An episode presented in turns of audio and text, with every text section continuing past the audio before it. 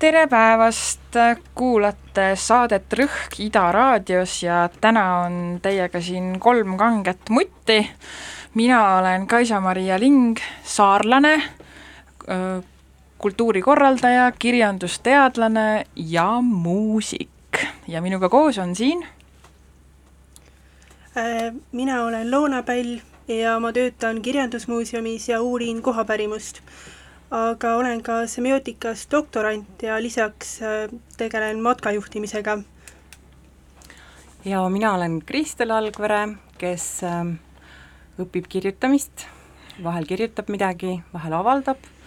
äh, ja õpin teist ringi ülikoolis, olen õppinud filoloogiat, nüüd õpin teoloogiat. ja täna räägime me loodusest ja looduskirjandusest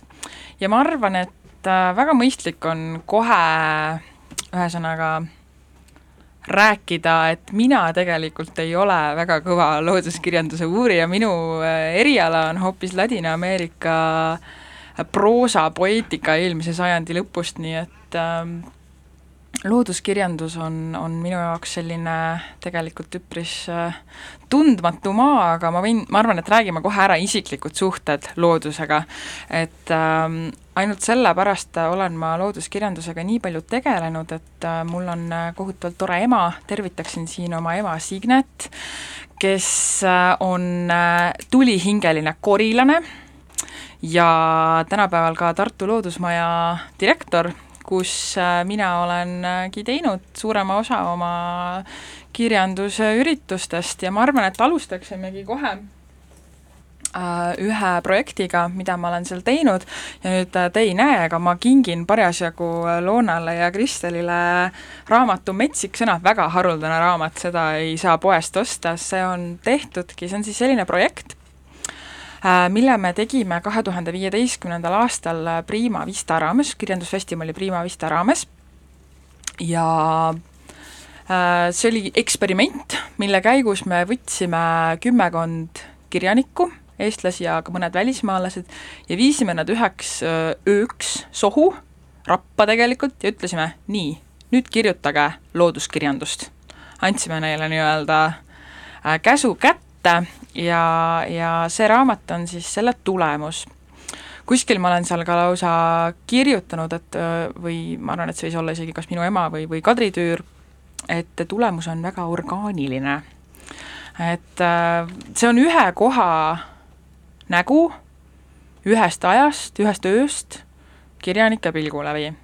ja ma küsiksingi kohe siin alustuseks, et et äh, millised on siis teie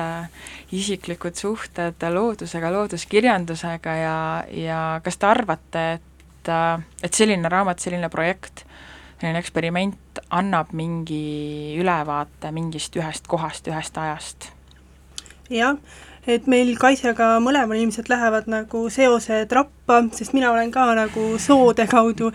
kuidagi tulnud selle kirjanduse juurde ja looduskirjanduse juurde, et et äh, ma uurisin ökokriitikat ja, ja kirjutasin oma esimesed üliõpilastööd äh, looduskirjandusest, aga siis ma hakkasin hoopiski käima folkloristikakursustel ja kuidagi sattusin oma seminaritööd tegema ja sattusin Kirjandusmuuseumisse. Ja siis Kirjandusmuuseumis äh, seal kohapeal inimesed siis soovitasid, et aga mine sinna Kakerdaja rappa, et seal on nagu toredad äh, ümberkaudsed inimesed räägivad sulle pärimust ja ja kui ma esimest korda läksin sinna oma diktofoni ja videokaameraga ja kuidagi miniseelikuga kohale ja, ja nii edasi, et äh, absoluutselt valmistamata, aga siis ma kohe taipasin, et vau, et see ongi see, mida ma tahan teha, et äh, ma kuulen siinsamas kohas neid lugusid selle koha kohta, et see on nagu väga äge. ja jah, ja ma arvan, et su küsimusele vastates, et äh, jah, sellisel juhul sellise projektiga, nagu te tegite, et erinevad kirjanikud kirjutavad ühest kohast, et see võib anda väga hea pildi, sest igaüks ju valib oma nurga sellele teemale. et Kakerdajaga on näiteks ka nii, et äh, see on väga kuulsaks kirjutatud koht nagu Eesti looduskirjanduses ja üldse kultuuriruumis. jah, ja nüüd ma loodan, et ka siis Palupõhja, et saab selleks jaa. Aitäh selle raamatu eest. Aga palun, aga palun. Ähm, et äh, rääkides loodusest või isiklikust kogemusest sellega või kuidas see jõuab võib-olla lõpuks äh, kuidagi läbi inimese nagu inimlikustub või paberile jõuab. et äh, mina olen lihtsalt äh, sündinud äh, nagu saarele, väiksesse külla Hiiumaale ja lihtsalt kogu minu lapsepõlv äh, möödus looduses, möödus äh, mere ääres ja metsas, et äh, ma ei nii-öelda ei, ei teadnud, et võib teisiti, et on nagu linnakeskkond, et ma käisin üsna harva, tegelikult nagu mandril esimesed suht võib-olla kümme aastat oma elust, et ähm,, et ma nii-öelda sellist linnakeskkonda hoopis olen tundma õppinud. äh, ja üritanud sealt kogu aeg äh, niimoodi leida loodust. et äh,, et võib-olla siis see keskkond äh,, mis mul lapsepõlves oli, oli selline loodus, mis minusse mõjus äh,, et äh, seda tuttavlikkust ma otsin nagu äh, nüüd linnast, ma elan Tartus üsna kaua aega juba ja ja Tallinnas ja maailmas üldse ringi rännates ma ikka otsin sedasama loodust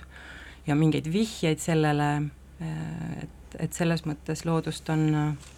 siin ja seal ja, ja rabakogemust äh, minul nagu väga palju ei ole elus üldse, kuigi Hiiumaa keskel on ka sellist soisemat ala ja Pihlaraba, Pihlaraba on seal ja, ja isegi üks äh,, üks kõrb on seal. Okei okay,, ma ei et... ole päris kindel, et ma usun seda, aga noh, te hiidlased, jumal teab, jumal on, teab. on, on, seal on äh, täitsa ilus kõrb. et äh, aga, aga et kui, kui kirjanik või kunstnik või üldse selline inimene, kes nagu peegeldab midagi läbi enda, äh, viia kuskile keskkonda võib-olla mm, või pakkuda talle selline variant, et ta saab nagu peegeldada läbi enda, et ma kindlasti arvan, et see on nagu kirjandusele igatepidi viljastav. Ma tegelikult äh, hea meelega kaevaksin natuke sügavamale, ma siin kohe võtan äh, võimaluse, tsiteerin Aare Pilve, kes oli ka meiega kaasas Palupõhjas kirjutas tema, kusjuures kõik kirjutasid täiesti erinevaid äh, žanre, et siin on, äh, on lühivorme, on, on luuletusi, on, on üks novell. Ja, ja Aare kirjutas siis üksteist juhutankat ja ühe haiku. Ja esimene äh, tanka hakkab kohe niimoodi pihta, behavioristlik katse, võetakse üks soo, sisestatakse kirjanik, lisaandmed, sisendil äge nohu. et et ähm, see on tegelikult väga huvitav äh, selline, ma ütleks isegi nagu see, see vormimäng, mis mind kõige rohkem huvitab, et, äh, et võetakse soo, sisestatakse kirjanik. et, äh, et kuidas sellest, mõtleks natuke veel selle protsessi peale, et kuidas sellest sisestamisest jõuab siis ikkagi paberile luuletus, et ja, ja küsimus, et kas on, kas on kirjanike ja nii-öelda tavainimeste vahel on mingi vahe, sest ma kujutan ette, et noh, tähendab, ma usun, et kõiki mõjutab keskkond. et äh, mis on siis äh, kunstniku ja kirjaniku ja selle tavainimese vahe ja kuidas see, see muutub, mis te arvate? Kristel vist oskab sellele äkki vastata rohkem, et äh, kirjaniku, praktikuna mm. -hmm. tavainimese ja kirjaniku, ma ei tea, iga kirjanik, iga kunstnik on tavainimene nagu ka, või noh ähm,, et see vist ongi eeldus, et et äh, üldse midagi nagu endast, lubada endale nagu millegi kirjutamist, sa teadvustad oma tavainimeselikkust. aga kindlasti mm, võib-olla mingisugune soov peegeldada, et soov märgata ja peegeldada, mis üldse, ma ei tea, mis, mis on mis on looming, et, et mis, mis on see, mida üks kunstnik nagu taotleb, näiteks kui ta, kui ta midagi maalib või, või kui keegi kirjutab millestki, et mis, mis on see taotlus, kas peegeldada, kas, kas näidata reaalsust, kas lisada sinna juurde midagi, kas noh, see soov väljendada või soov peegeldada või nii-öelda see, võib-olla see ei olegi soov, vaid paratamatus, et äh, ei saa teisiti, kui et pean maalima või, või et pean kirjutama sellest või et et, võib-olla kõnnid lageraie kuskil serval ja, ja kirjutad hoopiski tulevikust, et äh, juba mets haljendab või noh, et nii-öelda see võib olla ka mingi niisugune soov, et, et mitte reaalsuse peegeldus, vaid eskapism hoopis mingisugusesse mm -hmm. tuleviku soovi või, või minevikku, mis siin oli ja käia minevikuradadel ja kirjutada seda, et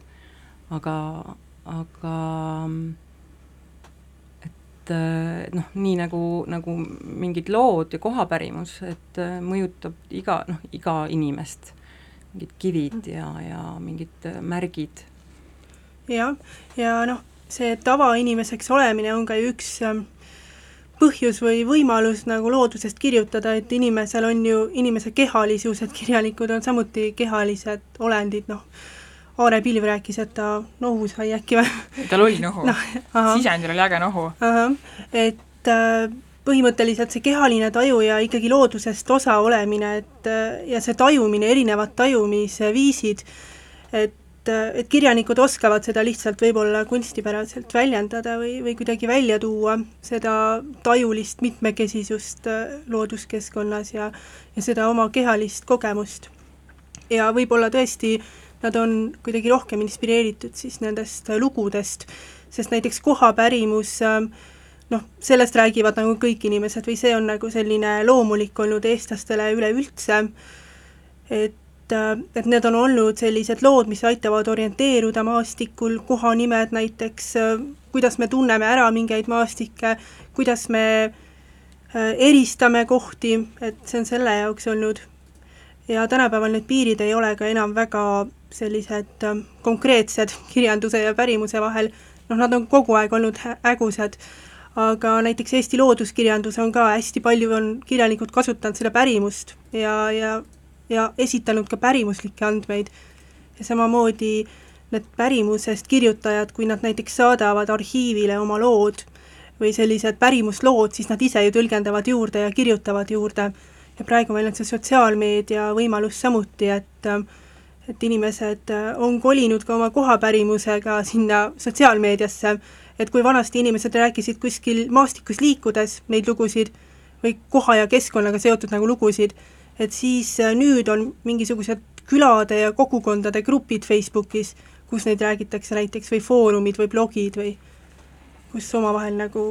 kõneldakse. See on äh, väga huvitav ja ma, loomulikult ma natuke torgin teid, et noh, et tehes äh, seda tavainimese ja kirjaniku vahet, sest ma mm. loomulikult ise ei usu seda sugugi, aga ma arvan, et mingi hetk ähm,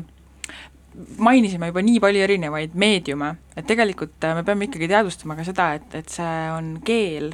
mille kaudu me kõike seda, seda väljendust äh, teeme, et noh, ütleme, et me võtame aluseks äh, nii-öelda nagu eeldused eksisteerib äh, maailm väljaspool meid see on hea eeldus jah, et mina alati tulet-, pean seda endale meelde tuletama, et, et eks jah, eksisteerib maailm väljaspool mm. meid, et see ei ole ainult keel, milles me elame ja. ja kõik, mida me näeme ja see on kõik keel, aga noh, see on lihtsalt, see on minu tausta, tausta probleem aga ikkagi noh, et me peame seda ikkagi keelde panema, selle, selle looduse või selle keskkonna, ta ei pea olema loodus selles mõttes, et võib olla ka, jaa, kusjuures ma pidingi seda ütlema, et Tallinnas tuli täna ju maha lumi ja kõik infrastruktuurid on äh, juba alla andnud, et vastlapäevaks maha tuleb lumi, väga oluline. aga, aga ma arvan, et äh, et see looduse ja keele vahekord võib-olla on identiteet, mhm. mida teie sellest arvate ja eriti huvitav on just noh, minul on, on Kristelil ka väga tugev äh, side selle identiteedi osas, et me oleme hästi, nagu ma ka ennast tutvustasin, olen saarlane ja Kristel on hiidlane, nii et uskumatu, et me isegi ühes ruumis hetkel oleme. päris väikses ruumis. ja just, just, just, täitsa pöörane, kuidas me küll saame, aga aga sellel on, on väga suur roll, ma arvan, sellel identiteedil looduskirjanduse kirjutamise juures, kuidas te tunnete, ma just mõtteks, ma küsiksin sinu käest, Kristel, sest sinu luules on see nii olulisel kohal, loodus kui selline ja, ja ka see identiteet. Et äh, kohalik identiteet, siis see koht, koha identiteet, koha identiteet, äh, jah, loodus on kahtlemata üks asi, millest ma tunnen väga palju puudust, et äh, kuigi Tartu on ju vägagi roheline ja igatepidi vahva, aga meri. ja väga, väga tore, aga meri, et ähm, aga siiski on mõnikord selline hommik või, või hetk, et ma panen selle looduskalendri äh, sellise video tööle, Šakali kaamera, ja mul on hea meel, kui ma näiteks näen mingit äh, Koidu või videviku aega Äh, see on kusagil Läänemaal, see kaamera, ja seal on mõned kadakad. Ja ma ei tee nalja, aga, aga see on noh, justkui minu see Haldi rand, ma saan läbi arvuti seda vaadata, ma nagu natukene kuulan kas või seda tuult või müha, et äh, võiks isegi öelda, et ma olen nagu sõltuvuses looduskalendrist äh, ja selle kaameratest, et ma olen suur fänn, ma tean teisigi, kes on samamoodi, et et äh, ma tunnen siiski puudust sellest füüsilisest kontaktist selle õhu ja selle tuule ja selle, kogu selle sellise mm, sünteesiga siis kõndida mere äärde või, või kõndida metsas või eh, oma tuttavatel radadel. et eh, samas ma tooksin sisse hoopis ühe sellise teema, et eh, et kui ütleme, kirjanik, luuletaja, mm, literaat kirjutab loodusest, et see justkui on nagu üks žanr ja kui looduse inimene, ehk siis äh, Hendrik Relve äh, või Tiit Leito näiteks, kes ka Hiiumaa lait-, laidude kaitsealaga on tegelenud aastaid ja Hiiumaal elanud, kui tema kirjutab raamatu äh, või paneb sinna piltide vahele mõningaid filosoofilisi või vähem filosoofilisi mõt-, mõtisklusi, et siis mulle vahel tundub, et et nagu seda ei võeta sada protsenti kirjandusena. et, et, et ma olen justkui nagu mõelnud üsnagi palju selle peale, et, et kas ma olen Tiit Leito, lihtsalt äh, ma ei, võib-olla nagu püüan kuidagi sedasama, et just, et, et, et noh, et nii-öelda ma olen tegelenud selle küsimusega, et mi-, miks ja kes seda otsustab, et näiteks äh,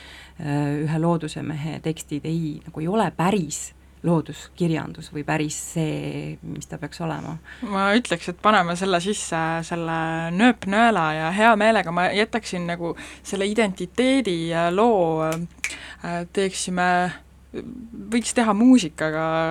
selle identiteedi loo, et minu, minu identiteet tuleb siis nüüd palana. ja ja see on minu igatsus loodusest, kuulame seda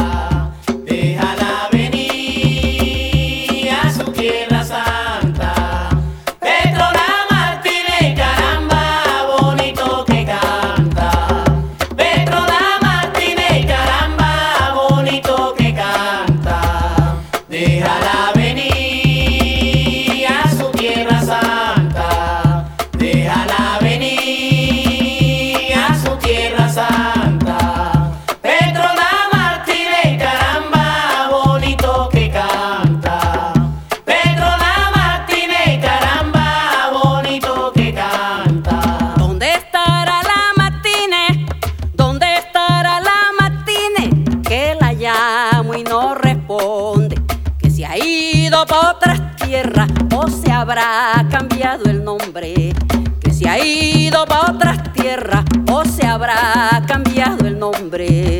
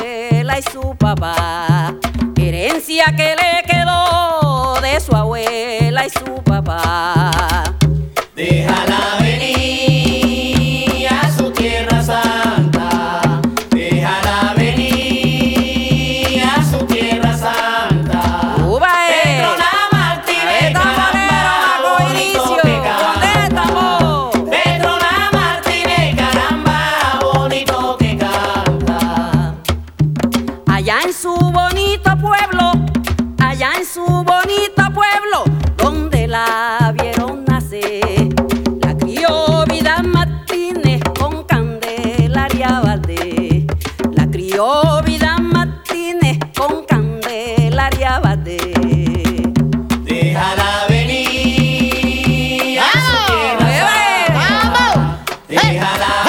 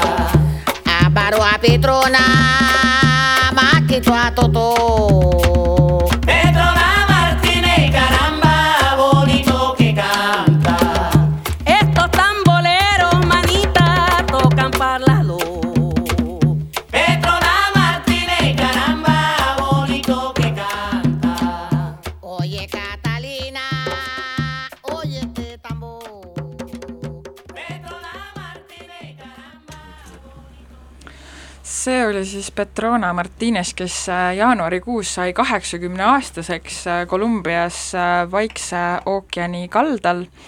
ja laulis sellest, kuidas ta tahab tulla oma pühale maale. tänaseks ma olen valinud siis kohad, mis kõnetavad mind, elasin seal Lõuna-Ameerikas üks jupp aega oma elust ja, ja see loodus oli seal nii metsik et see siiamaani mind inspireerib väga. Ja lood pärinevad äh, nendest kohtadest, äh, mis esimesena vee alla jäävad. et Palenquito, kust see lugu pärineb, on siis kaksteist meetrit üle merepinna, nii et see muusika jääb vee alla mingi hetk. Huvitav mõte, ma arvan, et sellest me räägime kindlasti pärastpoole, aga praegu me jõudsime nii huvitavasse kohta, looduskirjanduse žanri määratlus. selle kohta ma tegin siis äh, kahel eelneval aastal äh, loodus, Tartu Loodusmajas lausa looduskirjanduse seminarid, kus me iga kahe nädala tagant äh, kogunesime ja küsisime, et mis see looduskirjandus siis on, kuidas seda määratleda, mis on looduskirjandus. ma, mul on siin isegi väike nimekiri äh, asjadest, mida me lugesime äh,. me lugesime näiteks äh, Heinsaart, Kätlin Kaldmaad, aga ka Rein Kuresood äh,, jällegi Uku Masingut, klassikuid, Johannes Piiperit, Underit äh,, Johannes Maidet, väga hea lugu, jumala eest, lugege Süstal ümber Eesti,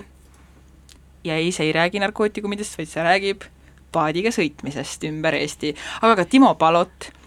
keda kindlasti ma arvan, ma ei tea, kas teda peetakse looduskirjanikuks ametlikult, Baturinit, Peep Ilmetit, Ruitlast ja nii edasi ja nii edasi, ühesõnaga igast ooperist. Ja, ja lõpuks me ei, me ei jõudnudki selleni, et, et mis see looduskirjandus siis on, kuigi seda on siin Eestiski mitmel puhul üritatud äh, defineerida, aga, aga kuhu me jõudsime, me jõudsime selleni, et loodusest kirjutamine, seda on võimalik äh, küll üsna selgesti äh, liigitada. et, et kuidas loodusest kirjutatakse. jah, et mulle tundub, et ähm, et peakski eri, eristama sellist loodusest või keskkonnast kirjutamist ja looduskirjandust, et see looduskirjandus justkui viitab mingile kaanonile või, või mingile hulgale tekstidele ja tõsi on see, et äh, Eesti kultuuriloos see looduskirjandus äh, on ka nagu üks oluline selline osa ja kõige rohkem on võib-olla seda uurinud äh, Kadri Tüür, ka semiootik, ja tema siis kirjeldaski seda äh, kui ilukirjanduse, tarbekirjanduse ja teaduskirjanduse lõikumise alal olevat sellist äh, li-, tekst, tekste või tekstiliike erinevaid, et äh, ja ühe sellise eripärana ta tõi välja ja ma arvan, et me hiljem ka sellest hakkame siin rääkima,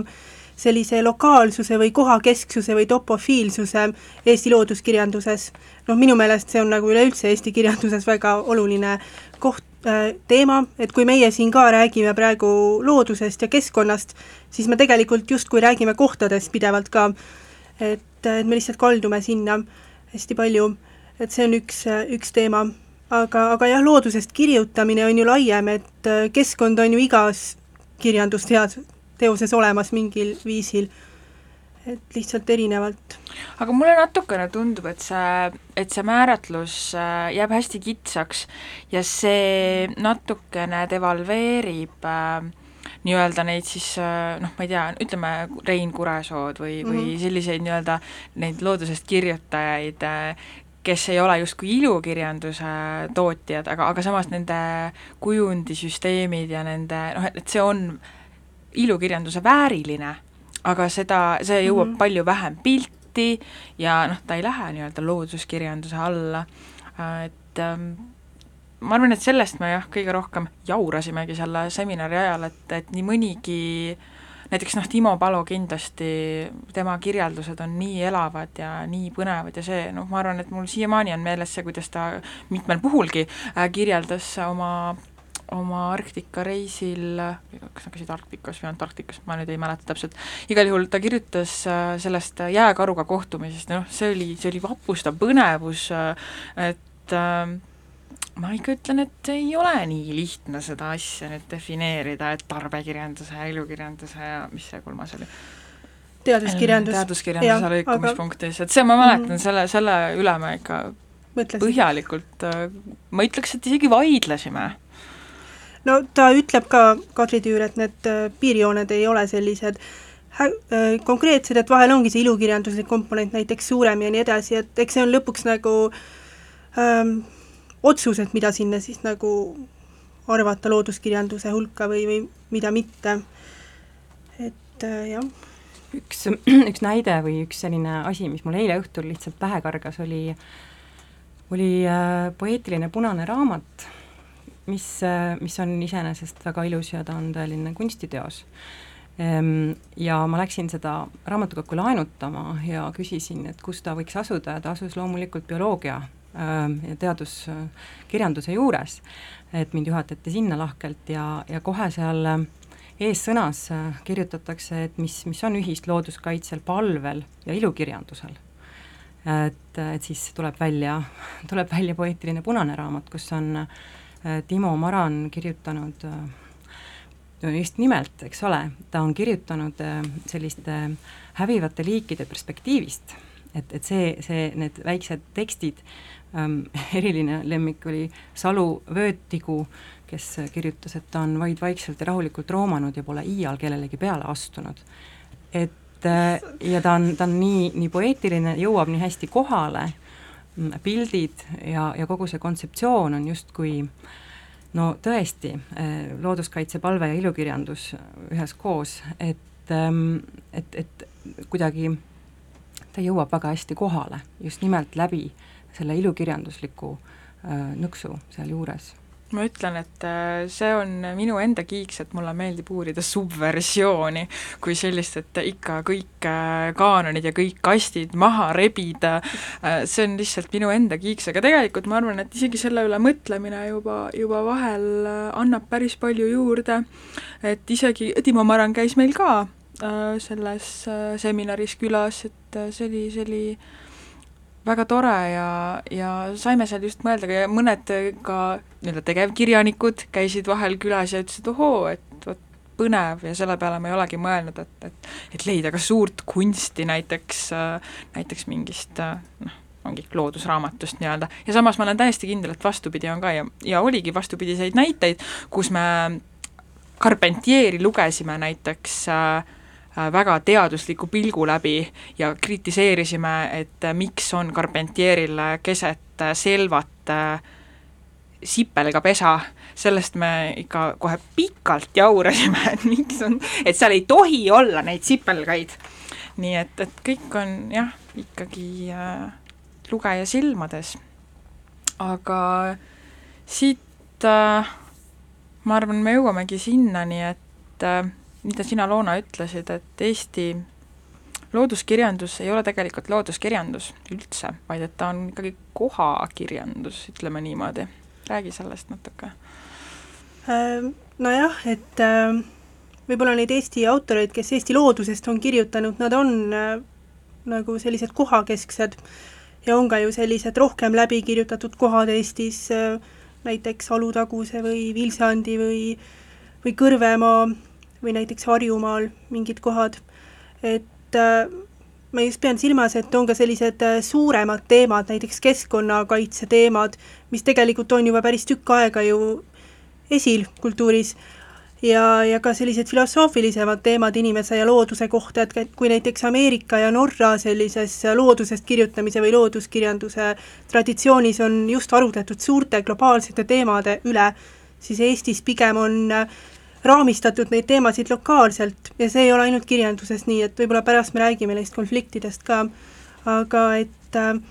et hästi nagu koha identiteediga seotud on need paigad, noh näiteks võtame kas või Fred Jüssi mm, -hmm. et temal on see, tema on nimetanud selleks inimeseks kujunemise või kirjanikuks kujunemise kohana just Kakerdaja ümbrust Kõrvemaad, siis Mustjõgi, Jänijõgi, Tarvasjõgi, mis tal seal on, kõik need Äh, jõeäärsed äh, kohad ja ja noh, mingis mõttes see ju kujundab äh, ka seda keskkonda tagasi, et kui mina näiteks folkloristina käin intervjueerimas inimesi sealkandis, siis nad näitavad mulle Tammsaare kohti, Jüssi kohti ja kõik see on jõudnud tagasi maastikusse. et selles mõttes seal on nagu juba vastastikune suhe tekkinud nagu Eesti kultuuris kohtade ja siis nagu tekstide vahel et selline väga aimatav mõlemalt poolt no just oleksin öelnud jah, et, et meil, me ju räägime alati Tammsaare maadest ja mm. ja meil on Liivimaad ja ja et, et meie kohad ja, ja see on Eesti kirjandusuurimuses ka, Evelin Fridolin tegeleb ja, äh, ja. Liivi ja temal on see geokriitika, geokriitika mõiste, et kui just. on ökokriitika, siis tema pakkus nagu geokriitika ja just see Peipsi kirjandus, et see nagu ka hästi äh, iseloomustab minu meelest seda Eesti olukorda. ja sina oled siis äh, Kristel meil, mis sa oled siis, Hiiumaa kirjanik, mis, mis kirjanikuks sa, kas sa tahaksid ennast üldse mingi paigaga siduda? mm,? Väga hea küsimus. Haldi on vist see Mm, on, on ilmselt äh, selge, et äh, inimese lapsepõlv, noh kuna elu on lühike, mm. et siis lapsepõlveperiood, mil, mil inimene on avatum võib-olla ja noh, minu lapsepõlv ikka ilma meediata, ehk äh, väga vähese meediaga et äh, ma sain väga palju õues olla niisama ja ja ei passinud nutitelefonis äh, ja, ja et, et noh, et nii-öelda ma sain suure kogemuse Hiiumaalt, sellest kohast, aga ega ma ei teadnud, et ma olen Hiiumaal. et lapsena ma olin lihtsalt looduses, et ma arvan, et kõrvutada enda kogemust mõne kas või Lõuna-Ameerika metsas kusagil üles kasvanud lapse lapsepõlvega, et et noh, et leiab palju sarnasusi, et mingi teatav aja selline suhtelisus ja lihtsalt päike näitab sulle, millal tagasi koju minna või noh, et selline päevad läbi looduses äh,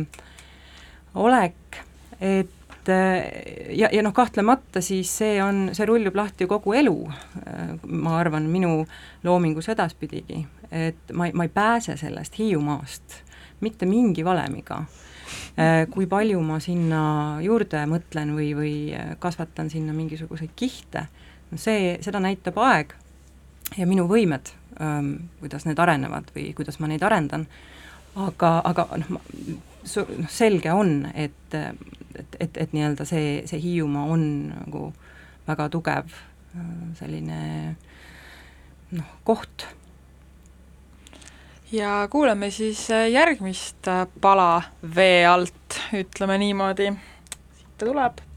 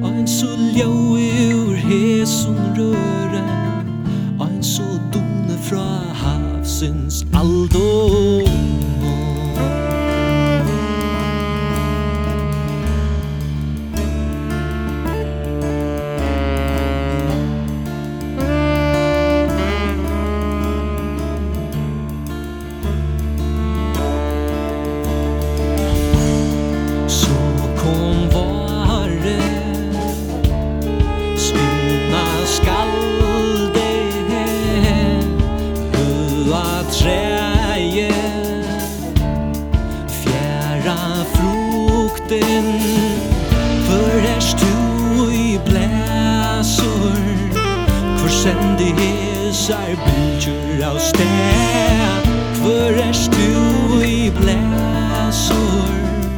Hvor sendi hesar bilgjur av sted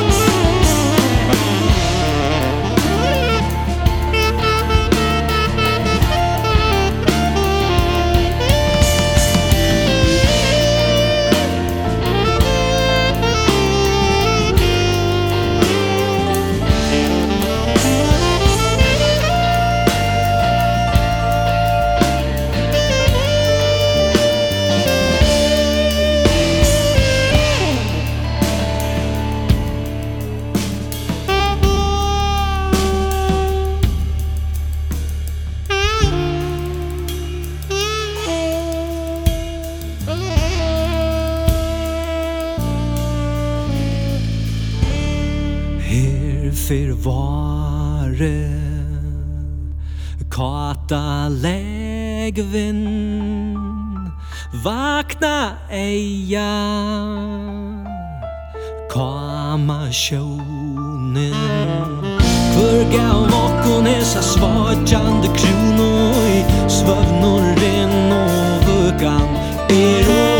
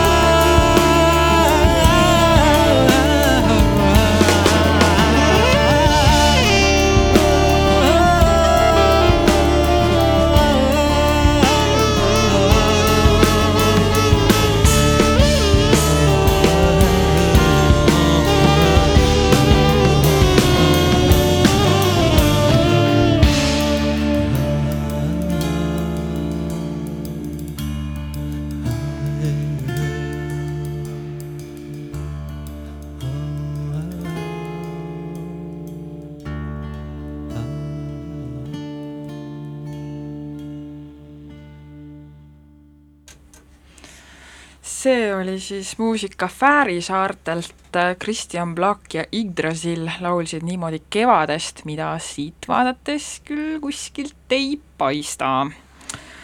aga jätkame siis kohe, läheme aina tõsisemaks, ma loeksin Kristeli loal ette ühe tema äh, luuletuse viim-, tema viimasest kogust, Merehurmarohi, Suur ja vana mets linna serval on vana mets, sees suured tammed ja männid ka. Imelik kooslus, mõtlesin mitut puhku. ja veel mõtlesin oma haridusele, mis ütleb, et ainult Eestis on metsa. milliseid lollusi ma veel olen kellanud, milliseid valesid ja eneseõigustusi, kui välismaalane Eesti metsa näeb, siis ehmub ta ja ei saa enam öösiti magada. metsakollid, metsallilled, kõik kohutab seda välismaalast. ei noh, kas tõesti või? ühesõnaga me oleme rääkinud siin kohtadest ja, ja Eesti kirjanduslikest paikadest, aga ma küsin, et miks meil siis nii vähe kirjutatakse nendest suurtest kriisidest, mis tegelikult praegu maailma raputavad? noh, võib-olla praktikud oskavad seda isegi võib-olla paremini öelda, aga eks need sellised suured keskkonnakriisid või, või suunad nagu globaalne soojenemine ja noh, neist ongi raske rääkida, sest nad on lihtsalt niivõrd kõikehõlmavad ja, ja sellised, meil on ju välja kujunenud oma sellised harjumused, kuidas loodusest kirjutada või, või keskkonnaga seotud teemadest, aga need uued teemad, uued sellised äh, kriisid on ju nii suured ja kõikehõlmavad, et neist ongi võib-olla keerulisem et näiteks Timothy Morton, üks filosoof, temal on niisugune hüperobjekti mm, mõiste. Ja ta ütleb, et seda ka kliima soojenemise kohta näiteks, et see lihtsalt mõjutab meid niivõrd palju, niivõrd kõikehõlmavalt iga meie eluaspekti, või näiteks plastik, et noh, et et kuidas sa paned selle ühe loo sisse või noh, et ja sellepärast on ka tekkinud selliseid uuemaid žanre, näiteks climate fiction näiteks, et kaks tuhat kolmteist alles see sõna esimest või termin tuli nagu kasutusele, et inimesed noh, võib-olla realistlikult ongi keeruline seda käsitleda, aga kui me võtame abiks näiteks ulme või või utoopiad või, või midagi sellist, et siis on kergem, et sellest climate fiction'i hulka võiks lugeda näiteks Kim Robinsoni, kes kirjutas raamatu New York kaks tuhat ükssada nelikümmend, kui New York on uppunud juba pooleldi ära ja inimesed võitlevad selle kliimateemaga, või siis äh, Ian McEvani Solar, mis on teadlasest, kes võitleb samuti kliima soojenemisega. et need on sellised teemad. aga noh, Eestis äh, jah, selles mõttes äh, kas ei või olla, et me kuidagi arvame, et Eestis seda ei ole, et meil on noh mm,, nagu, nagu siin just lugesime, et Eestis on kõike nii palju, meil on metsa nii palju, meil on merd ja värsket puhast õhku nii palju mm., et ega see ju meid praegu veel ei puuduta kuidagi, et jah, see on täiesti võimalik. aga, aga noh, tegelikult need äh, jäljed jõuavad ju ja mõjutavad meid kõiki juba praegugi väga tõsiselt, et äh, minule tundub, et sinu luules Kristel, on, on lu-, on loodus hästi erinevates positsioonides ja, ja looduse agentsus äh, on ka väga erinev, et, et tegelikult sinu see, see see loodus, mis on sinu varastes tekstides või Hiiumaa tekstides, on selline üpris malbe ja, ja tagapingil sõitev loodus, aga need tekstid, mis on pärit Berliinist või võib-olla siin Tartu viimasest otsast, on juba, see loodus võtab täitsa, on kuidagi väga isepäine ja tegutseb, et kas, kas see võib ka olla see, et, et kuidagi on mõjutanud sind see, ma ei tea, keskkonnamuutus või, või, või looduse muutus või? Jaa, kindlasti, et ma ei, ma ei taha nagu tuua sisse sellist tohutut äh, lageraie vastasust, aga aga olgem ausad, räägime sellest nüüd. et äh, ma olen hästi kuidagi tänulik äh, Hasso Krullile näiteks, kes on võtnud mingisuguse kindla seisukoha. et ma ise tegelikult häbenen väga seda, et ma iga kord, kui jälle Hiiumaal bussiga sõidan koju seda pikka teed, näen uusi raielanke, aga ma mõtlen, et inimestel on vaja metsa müüa, et äh, saada raha, on vaja metsa majandada, sest ta läheb muidu kuidagi väärtusetuks ja nii edasi, et ma olen äh, selline ei liha, ei kala olnud senini. ja ma ütlen, et äh, ma, ma olen küll saanud nagu väga, väga suuri šokke või kurbtusi juba pikemat aega just Hiiumaal, et väga palju minu kodu ümber, et on võetud metsa ja just need kohad, mis olid minu sellised lapsepõlverajad. ja ma olen, kui ma olin üks kolmteist, siis ma esimese metsatöö sellise suure traktori äh, tegutsemisteele jooksin ja piilusin teda ja mõtlesin, et noh, see on tõesti nagu mingisugune monstrum, täiesti võõras, täiesti teisest maailmast. et äh, noh, ja kuidagi müstiline ka samas, et, et, et kas tal on juht, tähendab, mina ise, olles mingi kolmteist, kaksteist, mõtlesin, et kas ta on äkki juhita. et kas inimene on seal üldse ja teeb midagi, et kui midagi juhtub järel, noh näiteks, et ta, ma jään ette sellele, kas, kas keegi vastutab või noh, sellised lapse mõtted või noh, sellised no ütleme, loomingulised mõtted, et neid võib mõelda ka vanem inimene kui kui lihtsalt laps, et lihtsalt nagu mängid selle mõttega, kellega sa seal nagu silmitsi seisad seal metsas? See on väga hea, ma arvan, teemapüstitus, et kes vastutab siis lõpuks. ja jah, väga lihtne on seda kuidagi dehumaniseerida, et jah, et ongi kuskil mujal välismaal on plastikut ja on, on kõike seda hirmsat ja metsa on kõik maha võetud, aga vot meil, meil siin on kõik väga hästi. Ja ja noh, aga, aga nüüd ma ei tea, tundub, kas me, kas me hakkame liikuma kuidagi, ma ei tea, kirjanduses või, või, või või avalikkuses või ma ei tea, Facebookiski, sest ma ütlen, kirjanduse kirjutamise mõiste on täiesti hägustunud juba, et ma ei tea, paljud ongi, kirjutavadki juba suurema osa oma loomingust, eks ju, otse pilve ja, ja ei ole midagi ra-, ja noh, raamatute trükkimine ja, ja see paberikulu ja metsade maha, et noh, et et tegelikult see on, ma ei ütleks isegi, et nii hiilinud, vaid lihtsalt tulnud ja kõikidesse ka, ka kirjutamise ja kunsti aspektidesse ennast sisse ikkagi liigutanud, see keskkonnakriis. jah, et noh, kui rääkida tänapäeva kontekstis, siis äh, praegu sellest kohtadest või lokaalsest äh, identiteedist kirjutamine on ka mingis mõttes ju vastutöötamine sellele suurele globaliseerumisele, et noh, et ja see on tegelikult Eesti autorite puhul ju äh, nähtav küll. ja tegelikult, kui siin oli mainitud ka neid suuremaid konflikte, siis mulle tundub, et Eesti kirjanikud võtavad nagu hästi konkreetseid seisukohti näiteks selle tselluloositehase mm -hmm. asjus, ja seda on ka varem olnud, et näiteks äh, Kristiina Ehin on äh, konkreetse seisukoha võtnud Paluküla Hiiemäe, Hiiemäele suusakeskuse rajamise vastu ja noh, ja minu meelest Kristiina Ehini luules ka natuke on neid teemasid äh, sees, aga kohapärimusega on samamoodi, et kui tekib mingi konflikt või kriis konkreetne, siis võetakse appi need kohalikud lood ja võib-olla erinevad konflikti osapooled isegi tõlgendavad neid lugusid natuke erinevalt, et, et näiteks Paluküla puhul samamoodi, et kas seal siis on olnud püha paik või siis on seal olnud ka mitte nii püha paik, et kas seal on käidud ka argisemaid asju tegemas.